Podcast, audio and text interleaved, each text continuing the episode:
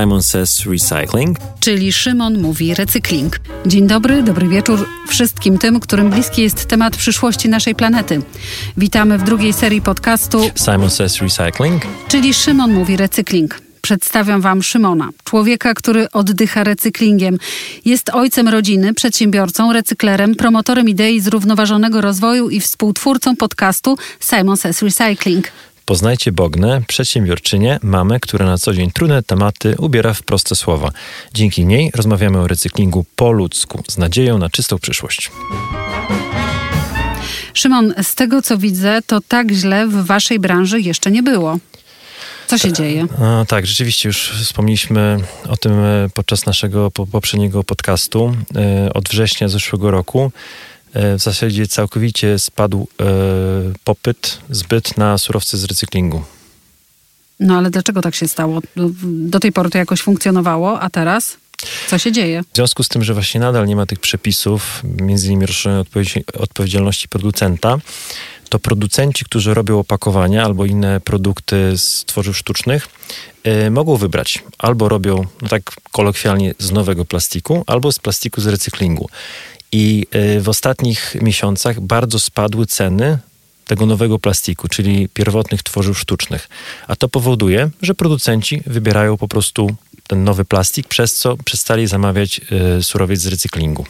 Jakiś czas temu czytałam, że mimo zakazu na polski rynek trafiło bardzo dużo rosyjskiego taniego surowca. Czy faktycznie tak było? No to już w ogóle było kuriozalne, dlatego że przez kilka miesięcy nie mogliśmy sprzedawać naszych surowców z recyklingu, dlatego że na polski rynek trafiały właśnie te y, surowce, tanie surowce rosyjskie, które nie wiem w jaki sposób, ale w jaki sposób na ten polski rynek y, trafiały. No właśnie, jak to jest możliwe, że w ogóle taki surowiec się tutaj u nas pojawił? Wiesz co, no to jest, wiesz, kwestia po po... Skąd on przyszedł? Prosto z Rosji, czy... E, kwestia podaży i popytu. Z tego, co wiem, przez kilka miesięcy jeździło to z Niemiec, poprzez niemieckich pośredników, ale no mamy różne po prostu kanały, tak? Jest, jest, jest, e, nie chcę wymieniać, jest to Turcja, są różne inne kraje, które, e, które sprzedają do Unii Europejskiej, ale, ale to, że rzeczywiście w, nawet polscy pośrednicy reklamowali sprzedaż tych rosyjskich surowców w Polsce, no to, no to moim zdaniem to jest karygodne, tak? Patrząc na tą sytuację za, za naszą wschodnią granicą. No ale to chyba nie jest jeden, jedyny powód e, jakiejś takiej zapaści nawet w waszej branży. Mm, chyba prąd też jest e, bardzo, bardzo Tak, rzeczywiście ostatnio właśnie robiliśmy taki raport, jak bardzo wzrosły ceny i nawet ta cena, e, która, czyli zamrożenie prądu na te 700, 700 ponad złotych za megawattogodzinę, to są i tak bardzo wysokie ceny prądu. My, to jest dwu, trzykrotnie więcej niż płaciliśmy wcześniej. Czyli z każdej strony tak naprawdę zadziały się złe informacje dla przedsiębiorców, przetwarzających właśnie w, poprzez recykling. Po pierwsze, bardzo drogi prąd, po drugie, wzrost wynagrodzeń, co oczywiście też się przekłada na zwiększone koszty dla nas, zmniejszony popyt poprzez no, przez? Jeżeli jest inflacja i, yy, i yy, ludzie, no, yy, można powiedzieć, efektem inflacji jest wzrost stóp procentowych, no to jeżeli ktoś tak już na, patrząc na może takie domowe budżety, jeżeli ktoś płacił za kredyt 2000 zł, a teraz płaci dwa razy tyle, płaci 3,5-4 tysiące, to znaczy, że tych pieniędzy nie wyda. Wydaje na kredyt, to znaczy, że nie wyda na jakieś inne produkty, które są w opakowaniach, czy mm, po prostu będzie oszczędzał. Ale to powoduje, że oczywiście ten, ten popyt spada e, i, e, no i my nie możemy sprzedać na tyle surowca, żeby, żeby rekompensować nasze koszty. Czyli e, po prostu jedziemy na stratach. No, jedziecie na stratach, ale z tego co słyszałam, niektóre zakłady też wstrzymały linie produkcyjne. Tak, wstrzymały, wstrzymały produkcję, tak. Yy, mamy już coraz więcej zakładów, które po prostu wyłączyły maszynę. Jaki to jest procent? Na, na, ten, jeszcze, na ten moment jeszcze nie mamy takich, takich informacji, ale, ale z, yy, z informacji, które dotarły do Stowarzyszenia Polski Recykling, do naszej organizacji, z którą, która właśnie zrzesza zakłady recyklingu, że popyt na recyklaty spadł o 30-40% w momencie, kiedy są procedowane ustawy nowe dotyczące chociażby systemu kaucyjnego, yy, no bo w momencie, jak te zakłady padną, no to kto będzie przetwarzał? No, no tak, mamy, mówimy już czy, na Czy to na, bardzo naiwne na, na, pytanie? Nie, to nie jest naiwne pytanie. My robiliśmy taką kalkulację, że, że na, na dzisiaj, jeżeli cała branża recyklingu by przetrwała, to my do, do bodajże 28 roku zapłacimy jako budżet państwa, czyli państwo polskie, czyli my jako podatnicy zapłacimy 16 miliardów złotych, tak zwanego plastic levy, czyli kary za, nie, za, za nieprzetworzone y, odpady z tworzyw sztucznych. Ale jeżeli mówimy, że na ten moment wedle danych GUS-u my jako polscy recyklerzy przetwarzamy y, prawie pół miliona ton, to jeżeli te pół miliona ton również nie było podane recyklingowi, to będziemy płacili dwa razy więcej. Nie będziemy płacili 6 milionów złotych dziennie kary, tylko będziemy płacili 10 milionów dziennie. Więc y, y, y, działania y, rządu, żeby, żeby y, czekać z tymi przepisami, które mają y, po prostu branżę wesprzeć, no są, no są bardzo złe. To jest, to, jest, to jest bardzo zły kierunek. Czy to jest realna groźba tego, że branża upadnie, czy to jest takie tylko straszenie się nawzajem? Jak to wygląda? Firmy, które są wiele lat na rynku, od 20-30 lat, y, nie mają kredytów na hale produkcyjne, mają pospłacane leasingi. Wiadomo, z, mogą zwolnić połowę ludzi, y, w, przeczekać rok, dwa lata, y, kiedy ten popyt będzie niższy i mogą powoli zacząć odbudowywać swoje moce przerobowe. Ale są takie firmy, które weszły, no, znam jeden taki przykład firmy, która 2-3 lata budowała zakład, który został otworzony w, we wrześniu zeszłego roku, czyli w momencie, gdzie, kiedy zaczęła się ta zapaść w, w, w recyklingu, no to taka firma już się nie podniesie. To jest pierwszy, to jest pierwsza zła rzecz, że dużo tych właśnie młodych firm i niestety, co jest przykre, że dużo właśnie młodych przedsiębiorców albo firm, które inwestorów, którzy weszły w tą branżę, bo wiedzą, że to jest branża, które, że na, na recyklingu można zarobić, na śmieciach można zarobić i tak dalej, to po prostu no, może nie przetrwać, ale można powiedzieć, już, już te, to, to już się dzieje. Ale druga y, alarmująca rzecz jest taka, że firmy przestają inwestować. No bo ja sam już wiem o kilkunastu inwestycjach, które nie są realizowane, dlatego że ciężko jest zainwestować, już wrzucić pieniądze, kupować działki nowe, y, decyzje środowiskowe i cały ten proces rozpocząć, jeżeli na ten moment te biznesplany po prostu się nie składają, bo nie wiemy, czy ten y, przepisy unijne rozszerzone odpowiedzialności wejdą za rok, za dwa, czy może za pięć lat, tak jak ostatnio to powiedział rząd. Ale jednocześnie pewnie słyszałaś na początku roku, e, że są inwestycje w gospodarce odpadami, które są e, w, wspierane przez rząd, tak? Narodowy Fundusz Ochrony Środowiska ogłosił sukces, że w ramach naboru wniosków dotyczących racjonalnej gospodarki odpadami ma powstać 39 nowych spalarni odpadów komunalnych w Polsce. Tak, to jest szok. Tak, szok. To, jest, to jest informacja z początku roku, że program e, w, do, w, w, zawnioskowało 39, 39 wniosków na łączną kwotę 17 miliardów złotych, z czego 10 miliardów ma być, ma być sfinansowane przez Narodowy Fundusz Ochrony Środowiska. Już, już, już e, z tych informacji prasowych podanych przez e, Narodowy Fundusz wynika z tego, że już ten program został zwiększony z 1 miliarda na 3 miliardy. Czyli co robimy? Zamiast wspierać recykling, to lepiej zbudować spalarnie.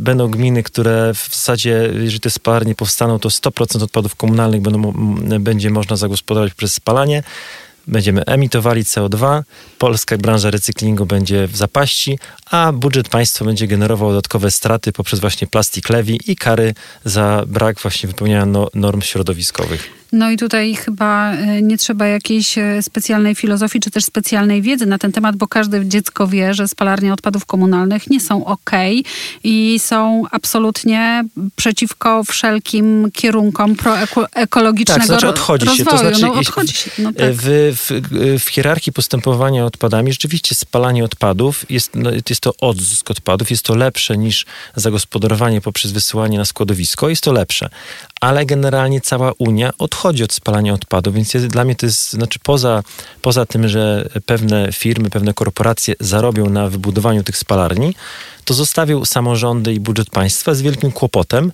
bo cała Unia odchodzi od spalania, a u nas wchodzimy w zbudowanie spalarni, które już nie będą potrzebne. Dlatego, że jeżeli mamy w tym momencie recykling mechaniczny, mamy innowacyjne sposoby recyklingu chemicznego, w zasadzie yy, no, spalanie tych odpadów będzie generowało straty. Straty surowcowe, straty środowiskowe, emisje CO2. No po prostu robimy coś, robimy coś, czego nie powinniśmy robić. Rzeczywiście jakieś spalarnie odpadów są potrzebne, Natomiast y, na pewno taka ilość, która tutaj, o której tu mówimy, to to jest po prostu wylanie dziecka z kąpielą. E, te spalarnie też, e, tak jak już powiedziałeś, zabierają wam surowiec, czyli to jest e, kolejny powód, czy też przyczyna tego, że ta branża faktycznie pogłębia swoją zapaść. Tak, to jest bardzo, bardzo niezrozumiałe i mam nadzieję, że jeszcze rząd zrewiduje te swoje plany, e, no bo Narodowy Fundusz powinien wspierać recykling i wielokrotnie to wybrzmiało, natomiast e, w, rzeczywiście było kilka programów, ale te programy, w wielu z tych programów, z tego co słyszeliśmy, nawet e, recyklerzy nie wnioskowali o te pieniądze z tego prostego powodu, że jeżeli nie wiemy jaka jest przyszłość, nie wiemy jakie będą przepisy, to boimy się zainwestować i tworzyć nowych inwestycji, bo nie wiemy, czy to po prostu się będzie spinało, czy będą po prostu przepisy, które będą y, faworyzowały recykling. Na razie jeszcze, jeszcze tego nie wiemy. Y, no więc dużo, dużo znaków zapytania. Jednym z tych znaków zapytania jest, y, jak wybory październikowe czy listopadowe, kiedy będą wybory, jaki to będzie miało wpływ na właśnie przyszłość branży, przyszłość ekologii, środowi ochrony środowiska w Polsce. Może to jest e, temat na kolejny odcinek naszego podcastu, żeby przejrzeć programy kandydujących e, partii i zobaczyć, kto w jaki sposób rozwiązuje ten problem. No bo to jest nasza przyszłość, przecież gospodarka odpadami i bardzo ważna część, gałąź tej gospodarki, jaką jest recykling. A co dla Was, dla branży jest takie najbardziej dotkliwe w tym momencie, w tym momencie? O, dawaj, dawaj, całą listę, mamy czas, mamy czas. Na pewno, na pewno koszty, y, brak zbytu i brak, tego, brak tych, tych przepisów, które są, no i co może się wydarzyć. Na pewno jakimś ryzykiem, dużym ryzykiem jest to, że polscy recyklerzy będą musieli y, jakieś, znajdywać jakieś inne możliwości y, opłacalności, działalności, na której no, można by było po prostu generować marże, marże a na, na dzisiaj tak naprawdę dla polskiej rezerwy bardziej by się opłacało importować odpady z zachodu, żeby tam, gdzie one są dotowane, ale to pozostawi Polskę w jeszcze większym kryzysie. Ja zawsze mówię, że my jako Polska powinniśmy lokalnie rozwiązywać ten problem y, i no, no ciężko wyobrazić sobie, jakie byłoby korzyści tego, że y, polskie odpady komunalne będą wysłane do spalarni, my będziemy płacili te wysokie koszty e, związane z, z, z, karami unijnymi, a polscy recyklerzy czy mają się przestawić na odpady z innych krajów? Przecież to jest absurdalne. Oczywiście takie taka rzecz może wystąpić, takie, takie zachowania, no bo jeżeli firmy mają, e, muszą płacić za pracowników, muszą płacić leasingi, za kredyty inwestycyjne, to w pewnym momencie jest, jest, jest takie ryzyko, że to po prostu, że będą starały się przetwarzać cokolwiek tylko po to, żeby utrzymać się na rynku. E, więc e, to jest na pewno bardzo duże zagrożenie. Nawet, ale dla samej, dla samej branży wprowadzających opakowania na rynek jest też to ryzyko, że już te, tak jak na poprzednich podcastach mówiliśmy, te single-use plastic zostało podpisane przez prezydenta, czy już wiemy, że za półtora, półtora roku będziemy musieli dodawać 25% recyklatu do tych butelek. Ale, ale skąd mamy ten recyklat wziąć? Jeżeli, no. jeżeli to będzie tak jak dzisiaj, no to ten recyklat będzie kupowany za 3 czy 4 razy więcej e, z zagranicy, w tych krajach, w których istnieje ROP, istnieje system kaucyjny. Czyli opakowania w Polsce będą bardzo drogie. Albo jeśli y, system kaucyjny zostanie wprowadzony, to istnieje duża szansa, że mm, zostanie jednocześnie wprowadzona, wprowadzony system patologiczny, czyli wprowadzania nowych, y, tanich y, mhm. butelek do obiegu, tańszych od recyklatu i ponownie recyklingowania i zapewniania sobie tych norm poziomów recyklatu tak, w jest, opakowaniach. Jest, tak, jest tak. Oczywiście jest to zagrożenie. No, jedno z, jeden z takich problemów, który jest, jest na dzisiaj i naprawdę liczymy, że rząd przed wyborami zajmie się tym tematem i e, zawnioskowaliśmy do ministerstwa o, e, o pilne spotkanie, jest, jest to, że na dzisiaj e, wzmożył się eksport odpadów, czyli, na, czyli jeżeli my jeżeli my jako polscy recyklerzy przyjmujemy odpady opakowaniowe, to musimy, musimy odejmować tak zwany balast. Czyli jeżeli wjeżdża cała ciężarówka, musimy odjąć to, co się nadaje do recyklingu i potwierdzać recykling realny na eksport, w tym momencie przepisy mówią tak, że, że można potwierdzać 100%. Czyli na, na dzisiaj jest faworyzowany eksport odpadów opakowaniowych i liczymy, że rzeczywiście przynajmniej w, w tej kwestii ministerstwo e, dokona odpowiednich zmian, e, żeby, żeby ulżyć trochę branży recyklingu. To na pewno jest też duży problem. A szczególnie jeżeli będzie coraz większy popyt w przyszłości na, na recyklaty, no to to jest na pewno duże zagrożenie. No i tak jak mówiliśmy wcześniej, e, jeżeli tak, nie mamy ropu systemu kaucyjnego, jest będzie 1 stycznia 2025 roku, czyli dla y, producentów opakowań, na przykład producentów y, napojów, wody, y, no oni już będą musieli dodawać 25% tego recyklatu i jeżeli go w Polsce nie będzie, bo polska branża recyklingu po prostu e, nie będzie taka wydajna, jak, jak była dotychczas, no to to jest ol, olbrzymie obciążenie, bo będą musieli ten recyklat kupować z zagranicy, trzy razy droższy. Przez co, Bogna, pójdziesz do, do sklepu i za wodę mineralną zamiast zapłacić X, zapłacisz X plus jeszcze kilkadziesiąt groszy. A mówili, że właśnie system kaucyjny podniesie cenę.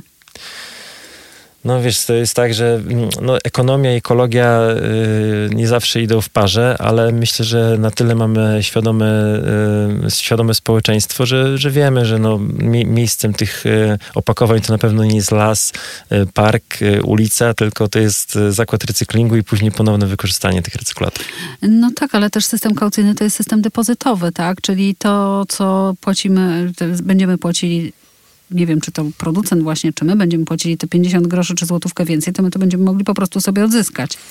Tak, y, czyli mówimy, no wiadomo, że system kaucyjny właśnie ma powodować, że te, y, dajmy na to 300 tysięcy ton opakowań PET, które wprowadzamy na rynek, że my to po prostu odzyskamy i ten surowiec po prostu wróci do, do obiegu. A my pieniądze z powrotem odzyskamy. Tak, my pieniądze odzyskamy. Czyli oczywiście, wiesz, największy koszt systemu kaucyjnego jest na samym początku, jak się go wprowadza. Później już są tylko koszty utrzymania tego systemu, więc każdy system y, na początku y, generuje koszty, no ale, ale też y, lepiej jest zainwestować ten ROP, a później system kaucyjny, niż później płacić po prostu karę przez następne 15 lat. A czy wy macie jakieś y, organizacje, które są waszymi sojusznikami właśnie w tej trudnej y, sytuacji? Kto was wspiera?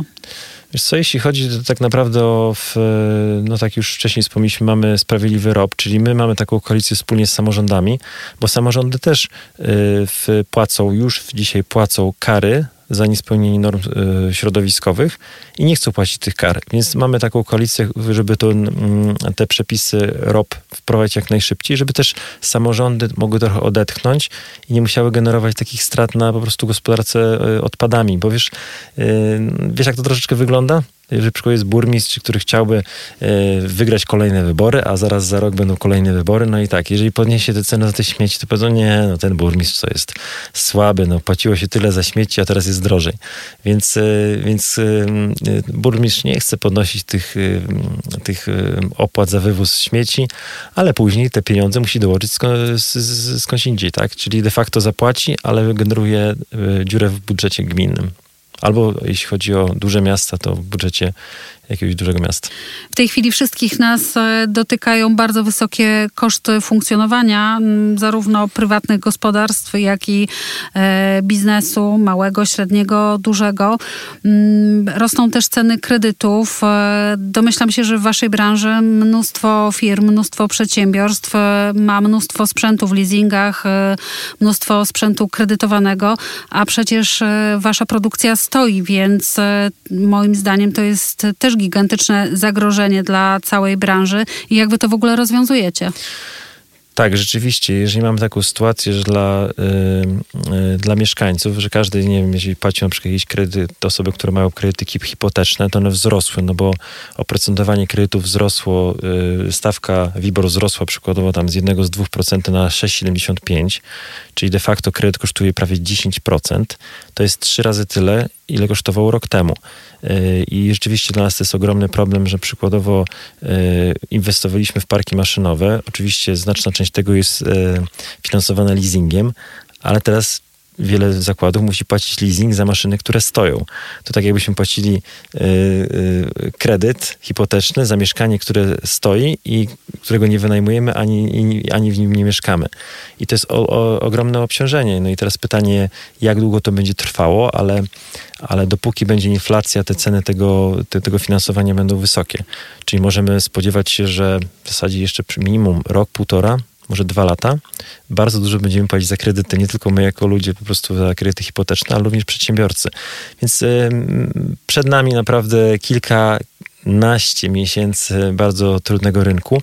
Mamy świadomość, że też jest to problem dla wszystkich przedsiębiorców, dlatego uważam, że w, w tej tegorocznej e, kampanii na pewno partie polityczne, które e, coś powiedzą o tym, w jaki sposób ulżyć przedsiębiorcom, e, co można w ogóle byłoby zrobić, no mogłoby mm, odnieść sukces. No bo na ten moment rzeczywiście ta narracja polityczna idzie bardziej w kierunku, w kierunku programów socjalnych, ale mało jest, mało jest o przedsiębiorczości. Tak? Oczywiście są jakieś informacje, żeby obniżyć podatki, tylko wiadomo, jeżeli już jakieś programy funkcjonują, teraz tak z dnia na dzień podatków nie można obniżyć, więc fajnie by było usłyszeć od, e, w następnych miesiącach, co politycy myślą o polskiej przedsiębiorczości, bo trochę mi tego brakuje. A jakie ty masz na to rozwiązania? Ty jako przedsiębiorca, działający na rynku z sukcesem. Ja na dzisiaj mam takie, yy, takie rozwiązanie, że, że rząd, ten i kolejny rząd powinien zadbać o to, żeby polskie przedsiębiorstwo przetrwały. To, jest, to nie jest tak naprawdę czas na zarabianie pieniędzy dla polskich przedsiębiorców, tylko czas na przetrwanie. Ale I... jakie jest to minimum, żeby polskie przedsiębiorstwa y, przetrwały? Co byś radził rządowi, ewentualnie kandydującym partiom? Co byś radził? Jakie oni mogliby zaproponować rozwiązania, które by wam pomogły? Musimy znać, jaka będzie przyszłość. Jeżeli będziemy wiedzieli, jaka będzie przyszłość, w, w, kiedy jakie przepisy będą wprowadzane i na co możemy liczyć w przyszłości, to przynajmniej to, no, czasami przedsiębiorcy na naszych zgromadzeniach często mówią, że rządu dużo, my nie, nie potrzebujemy dużo od rządu, żeby nam tylko nie przeszkadzali. Jak, jak rząd nie będzie nam przeszkadzał w robieniu biznesu, to już będzie bardzo dobrze. A, a na ten moment no, jest tak często, że w, kolejne przepisy, kolejne y, ustawy wchodzą, które dają nam coraz więcej obowiązków, że po prostu coraz trudniej ten, ten biznes jest w Polsce prowadzić. Czyli krótko mówiąc, mniej wróżby i więcej strategii długoterminowej. Wtedy tak, możecie wie, stworzyć tak, plan. Tak, więcej konkretów, bo problem z polityką jest taka, że polityk patrzy tylko na, e, na przyszłe wybory, ewentualnie później do końca kadencji na 4 lata. I oczywiście to jest tak, że jeżeli ktoś obieca, obieca i później na początku coś tam zrobi, później nie zrobi. My prowadzimy firmy 10, przez dziesięciolecia. E, coś, co, żeby już być sprawiedliwym, coś, co na przykład e, bardzo dobrze zostało odebrane ostatnio przez przedsiębiorców, są to fundacje rodzinne. Bo do tej pory było tak, że rzeczywiście już dochodzimy w Polsce do momentu sukcesji, czyli te e, pokolenia, można powiedzieć, moich rodziców, tak, które urodzone po wojnie, które rozpoczęły biznesy na przełomie 89, te osoby już odchodzą, ci przedsiębiorcy odchodzą na emeryturę i zostawiają firmy kolejnym pokoleniem, pokoleniem, albo te firmy sprzedają. Ale to, żeby polska przedsiębiorczość mogła funkcjonować dalej, to jest potrzeba właśnie tego typu rozwiązań. I to, i to muszę powiedzieć, jak już mówimy o złych rzeczach, które rząd zrobił, teraz mówimy o dobrych. To jest na pewno bardzo dobry przepis. Powoduje, że rzeczywiście może być ta kontynuacja, nie taka jak w filmie Sukcesja. Oglądałeś? No, oglądałem, ale tylko pierwszych kilka odcinków później nie dałem rady. Wiesz, nie lubię filmów, w którym same, są same złe osoby, nie ma ani jednej dobrej. Tam są dobre osoby i nie wszyscy są jednowymiarowi. To, to może w kolejnych odcinkach. Koniecznie musisz zobaczyć sukcesję, ale wróćmy do tego tematu. Czyli wracając, y, na pewno y, przedsiębiorcy patrzą długoterminowo. Y, rok to jest krótko, 4 lata, 5 lat, 10 lat. I my musimy mieć przewidywalność przepisów w, w, polskiej gospodarce, bo jeżeli nie, to przedsiębiorcy po prostu nie będą inwestowali i w pewnym momencie, nawet jeżeli byśmy mogli się rozwijać, no kryzys, mam nadzieję, że wojna się jak najszybciej skończy i będzie znowu hossa, może taka jak była po wojnie w II wojnie światowej, czyli po początek lat 50. to było, to było dziesięciolecie ol, olbrzymich wzrostów. Nie w Polsce, no bo w Polsce mieliśmy komunizm, ale w, w całej Europie Zachodniej to były, były wzrosty i my liczymy na, że takie odbicie będzie, ale o tym trzeba pomyśleć. Nie o tym, co będzie za rok czy za dwa, tylko o tym, co będzie za pięć lat, za dziesięć, za piętnaście. W jaki sposób możemy tworzyć mądre prawo, które będzie powodowało, że przedsiębiorcy nie będą się bali przyszłości. Na ten moment my się boimy, boimy jutra. Nie chcemy, żeby tak było. Przyglądając się programom poszczególnych y, ugrupowań partii kandydujących w nadchodzących wyborach, y, załóżmy na to filtr właśnie podejścia strategicznego, długoterminowego z jakąś wizją, a nie tylko pod kątem e, takich działań, pod kątem taktyki, tylko takich krótkoterminowych działań, które bieżące problemy rozwiązują. Dobrze to rozumiem? Zgadza się i mam nadzieję, że właśnie przy kolejnym podcaście będziemy mogli prześwietlić te programy polityczne i patrząc na, z jednej strony na ekologię, a z drugiej strony na przedsiębiorczość. No to mamy teraz gigantyczną robotę przed sobą do wykonania. Dziękujemy, że jesteście z nami, dziękujemy za Waszą uwagę i mówimy Wam do usłyszenia. Do usłyszenia wkrótce. Simon Says Recycling. Czyli Szymon mówi recykling.